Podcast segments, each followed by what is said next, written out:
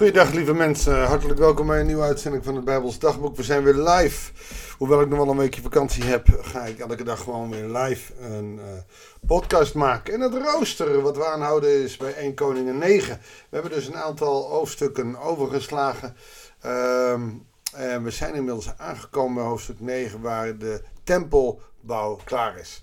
Uh, ik lees het eerste gedeelte omdat daarin, en dat is eigenlijk van zondag 14, omdat daarin zo uh, een beetje de.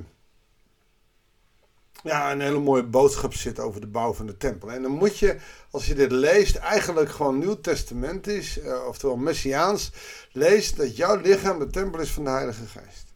Salomo de bouw van de tempel voor de Heer en van het koninklijk paleis voltooid had, en ook al zijn andere bouwplannen ten uitvoer had gebracht, verscheen de Heer een tweede keer, zoals hij ook aan de Gibeon was verschenen. Nou, dat is dus in die tussenliggende hoofdstukken gebeurd. En de Heer zei tegen Salomo, ik heb het smeekgebed dat je tot mij gericht hebt gehoord. Ik heb de tempel die je bouwt, uh, gebouwd hebt, tot heilige plaats gemaakt. God heeft het geheiligd door er intrek in te nemen. Om er voor altijd mijn naam te laten wonen. Mag ik jou vragen? Woont Gods naam in jouw hart?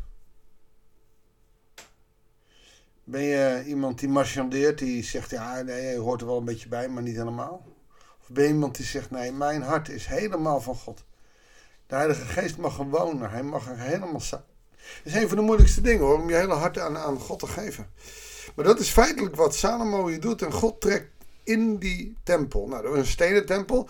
Uh, jouw lichaam is het tempel van de Heilige Geest. Mag God in jou trekken? Dat is een boeiende vraag om, om mee te nemen voor jezelf. En wat jezelf betreft, Salomo, als jij mij met heel je hart oprecht toegewijd blijft, zoals je vader David dat was, als je alles doet wat ik je opdraag en je altijd houdt aan mijn bepalingen en rechtsregels, zal ik ervoor zorgen dat jouw koninklijke troon in Israël nooit wankelt, zoals ik je vader David heb beloofd. Toen ik hem zei dat er altijd van zijn nakomelingen iemand op de troon van Israël zou zitten. Um, wat valt je op in deze zin? Is vers 4. En wat jezelf betreft, als jij met mij met heel je hart oprecht toegewijd blijft, zoals je vader David dat was. We weten van David dat hij iemand heeft vermoord omwille van een vrouw die bloot zat te badderen en die hij wilde hebben. En met wie hij getrouwd is en ook. Hè, was de moeder van Salomo. David is verschrikkelijk over de schreef gegaan. Dat is zonde. En toch noemt God hier David iemand die oprecht toegewijd bleef aan de Heer. Waarom? David had spijt. Dat is lekker makkelijk. Je hebt iemand gedood en dan heb je spijt. Oh, boehoe. Nee, bij David is dat echt wel uh, duidelijk zichtbaar.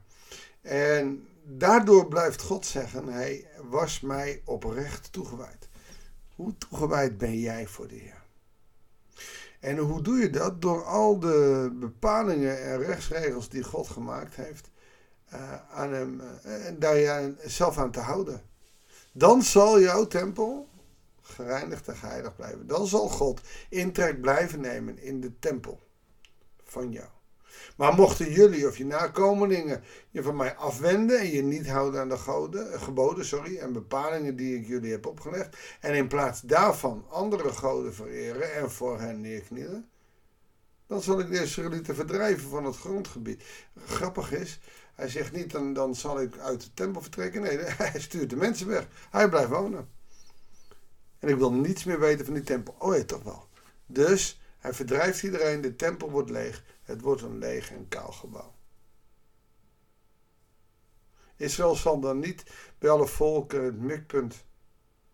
Nou, Israël zal dan bij alle volken het mikpunt worden van hoon en spot. Weet je dat, hier valt me iets op.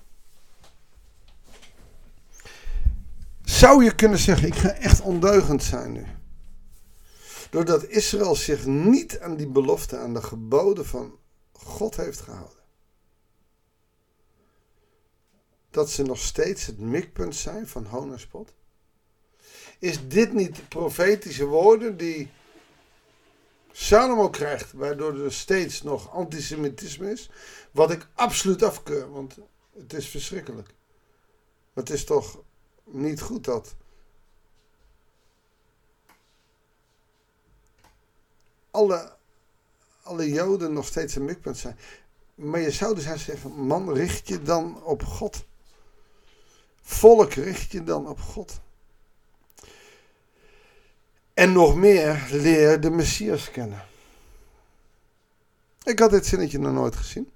Israël zal dan bij alle volken het mikpunt worden van hoon en spot. En dat is precies wat er aan de hand is. Je hoeft maar door Amsterdam te lopen en, en, en, en, Joden worden bespot. Je hoeft maar in voetbalstadions te komen en, en, en de Joden worden daar gescandeerd. Het is verschrikkelijk wat er nog steeds gebeurt met het volk van God. En, en dat is absoluut niet goed. Maar ik lees hier eigenlijk ook. Ze hebben het ook aan zichzelf te wijten. En dat geldt ook voor ons. Het feit dat ze bijvoorbeeld aan ons niet kunnen zien of weten dat wij christenen zijn, dat is hou naar spot. In hoeverre ben jij zichtbaar? Is jouw tempel van de Heilige Geest? En straal je wat uit? En van deze tempel, dat is dan de tempel van Salomo, zal dan alleen een puinhoop overblijven, zodat ieder die er voorbij komt zal huiveren en sissen van afschuw.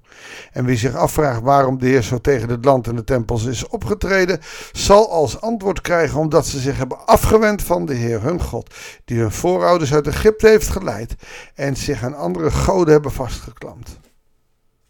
Bam, duidelijke taal. Niet doen. Ze zijn andere goden gaan vereren en hebben voor hun neergeknield. En daarom heeft de Heer hun al deze rampspoed bezorgd. Het is dus zo dat als jouw lichaam de tempel is van de Heilige Geest, dan moet je het rein en puur houden. Dan moet je je richten op Hem. En dan kan je je fouten maken, zoals David dat deed. Maar blijf oprecht toegewijd aan God. Heb je fouten gemaakt? Beleid je schuld. Bij God, bij de mensen. Maar probeer, probeer trouw te blijven aan Hem. Dan zal er geen hoon en spot over je zijn. Als er voor mij niet zichtbaar is dat ik een kind van de Heer ben, dan zullen mensen schamperen zeggen: Nou, is dat nou een voorganger? Maar dat gaat over voor alle christenen. Als wij ons niet aan de voorschriften van God houden, als wij maar wat marchanderen en zelf maar wat gaan doen, dan zullen mensen ons uitlachen. En dat, dat moet je niet willen. Dat is geen getuigenis. God wil dat wij getuigen zijn. Dat we oprecht zijn, toegewijd blijven. En dan kan je je fouten maken, dat is niet goed. Maar die toewijding, dat is wat God wil toewijding voor hem. Niet alleen op zondag, maar dagelijks. Niet tien minuutjes voor die podcast, maar dat is veel meer. Ons leven moet toegewijd zijn aan Hem. Neem mijn leven, laat het Heer toegewijd zijn aan uw eer. Opdat heel mijn leven voor Hem is. En dat is een van de moeilijkste dingen. Maar laten we daar zo na deze zomervakantie, nu in deze hittegolf, nog eens goed over nadenken zou het voor ons ook niet een mooie uitdaging zijn om dit seizoen meer en meer ons tempel leeg te maken van onszelf en dat God er steeds meer kan intrekken, zodat ons leven toegewijd is aan Hem. Doen we dan eens wat fout? Niet goed, ook niet zomaar al voorbij gaan, maar wel weten dat het ons vergeven wordt en dat die toewijding, überhaupt dat je vergeving vraagt, dat die toewijding ons toegerekend wordt met Zijn aanwezigheid, met Zijn zegen. Zullen we bidden? Heere God, we willen ons toewijden aan u. Uw richtingen, uw recht proberen te doen. En dat valt niet altijd mee in een wereld waarin er andere dingen van ons gevraagd worden. Heer, zegen ons. Help ons om in die zin ook duidelijk en radicale christen te zijn. Heer, dat bidden wij u. In Jezus' naam. Amen. Dankjewel voor het luisteren. Laten we maar weer een, uh, een paar maanden met de grap trekken, vind je niet? Ik wens jou uh, een goede dag, God zegen en heel graag tot de volgende uitzending van het Bijbelsdagboek.